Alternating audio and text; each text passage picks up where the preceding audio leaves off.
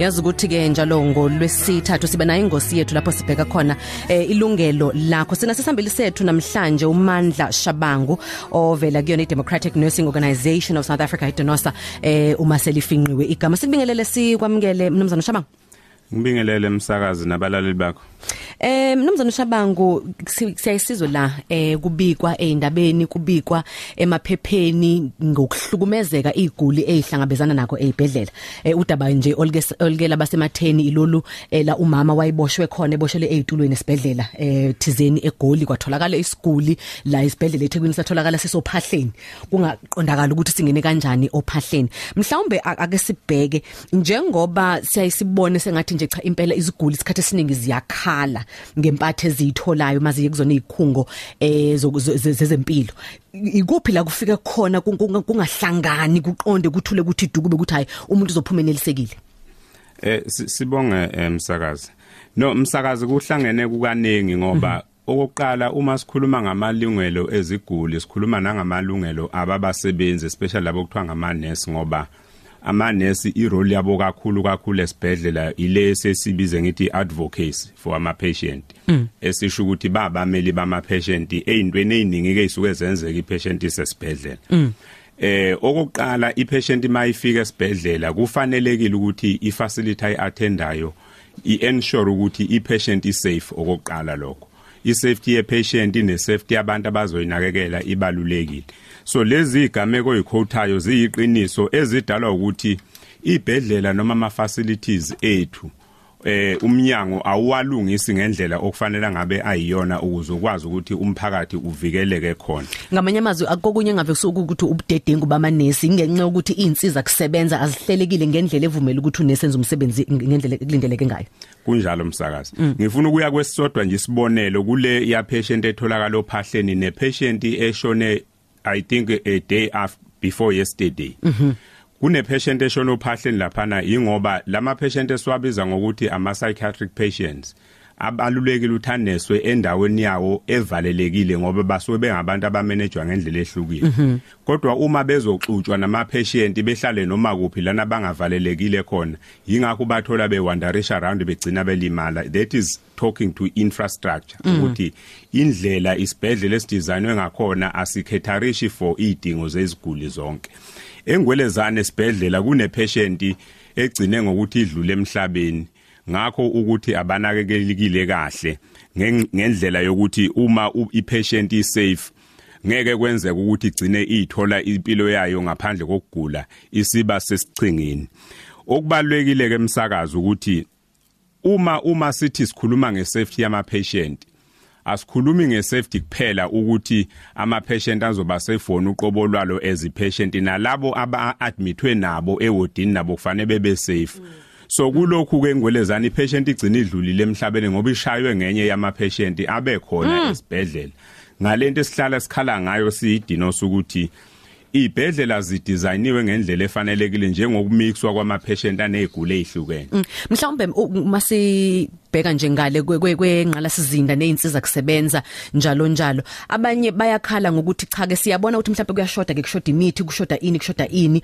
Kodwa namanesi hayi man asiphatha ngendlela engesiyona. Ngizokwenza isibonelo abantu baye bakhala emabe emaclinic athi umuntu uzothi maye eclinic kuzothiwa abazolanda ama ARV ngale abazokwenza iTNP ngale. Sekubona wonke umuntu uzele ini la. Ayikho indlela ukuthi kuhleleke ukuthi noma esekhuluma ke unesi ke kube ukuthi ukhuluma ngendlela ozozibona nawe ukuthi ukhuluma nomuntu akhulume ngendlela uzibone ukuthi uhloniphekile nawe.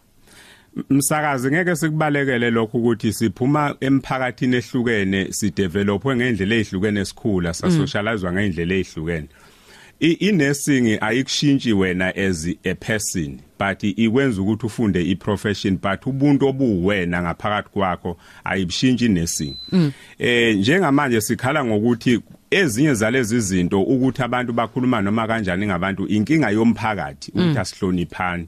Akukhona ukuthi basic lamanesi atrainwa ngendlela ukuthi engahloniphi iziguli. And kufanele sikume sikusho lokhu wena msakazo ukuthi akuwona wonke amanesi analokho. Kunalawo manesi amancane enza lokho esesicela umqashi ukuthi akenze lokho kufanele akwenze ukuthi amanesa educate ngalento okuthiwa ibathu uphile a remindwe ngayo ukuthi uma udila nomphakathi kufanele wenze njani. Kodwa siyaqinisekisa ukuthi akusiyona indlela amanesa aqeqeshwa ngayo leyo kodwa futhi kunzima nakwabawaqeqeshayo amanesi ukuthi angeke besishintshe isimilo sakho makhenzi ukuthi wena esimilweni sakho nje vele umuntu oyihlongandlebe umuntu ongalaleli. Lokho siyezama ukushintsha ngeindlela zokuthi njalo sibakhumbuza ukuthi irole yabo ezabahlengazi nerole yeziguli yipi esibhedleleni? Mhlawumbe nje kulomzuzu osele sesiyisonga ingxoxo yethu eh mnumzana uShabango. Ake siwabheke nje mhlawumbe ngiyazi ukuthi ngesiwaqede wonke ngoba phela ninawo umqulu obhekele amalungelo eziguli. Kodwa mhlawumbe lawe singathi abalekile ngempela ngempela ngempela ngingasho akabalekile wonke kodwa lawe nje kufanele siwabeke eqhulwini ukuthi iwona kamalungelo noma kungathiwani uma isiguli sizithola kuphula leli lungelo naleli lungelo naleli lungelo lapho kufanele lisithathe isinyathelo? Eh amalungelo enga engakhuluma ngawo kakhulu kakhulu mathathu. Elokuqala ilelo lokuthi ipatient inelungelo lokuthi iaccess ihealth facility. Kusho ukuthi akekho umuntu okufanele avinjwe mayidinga usizo lwezempilo. Either by security or by unesi or by ubani. Okwesibili kube le issue yokuthi umuntu nomuntu okhona la eSouth Africa unelungelo lokuthola equality healthcare. Lokho kusho ukuthi mawusufikile emtholampilo loyo kufanelekile ukuthi uhlengeke ngendlela okufanele uhlengeke ngakho.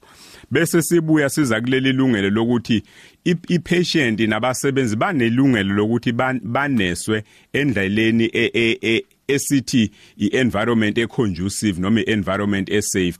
Ukuze ukwazi ukuthi uaccess kahle impilo. Bese kuba leli lungelo lokuthi ukwazi ukuthi ube involve ekuhlengweni kwempilo yakho. So akufanelekile ukuthi udokotela noma abahlengazi bakumanage ngokwesigulo sakho ngaphandle kolwazi lwakho ukuthi uphethwe yini. So kuyilungelo lakho ukuthi wazi ukuthi ithini plan ngokulashwa kwakho kuzokwenzakalani kunokuthi ubone sunqunya umlenze nje ungazi ukuthi kwakusukephi. So ipatient inalo lelo lungelo lokubuza inalo lelo lungelo lokuthi ibe neinformation ngesigulo sayo nangeplan. Yokuyelapha ipatient. That is where ngithe khona ama nurse role yawo kuba ngabameli bama patient ukuthi ipatient kubalulekile ukuthi lelo lungelo layo lingaphuleki either by umphakathi noma by ubani ngoba kunalokho okunye okuthiwa unelungelo lokwenqaba ukwelashwa.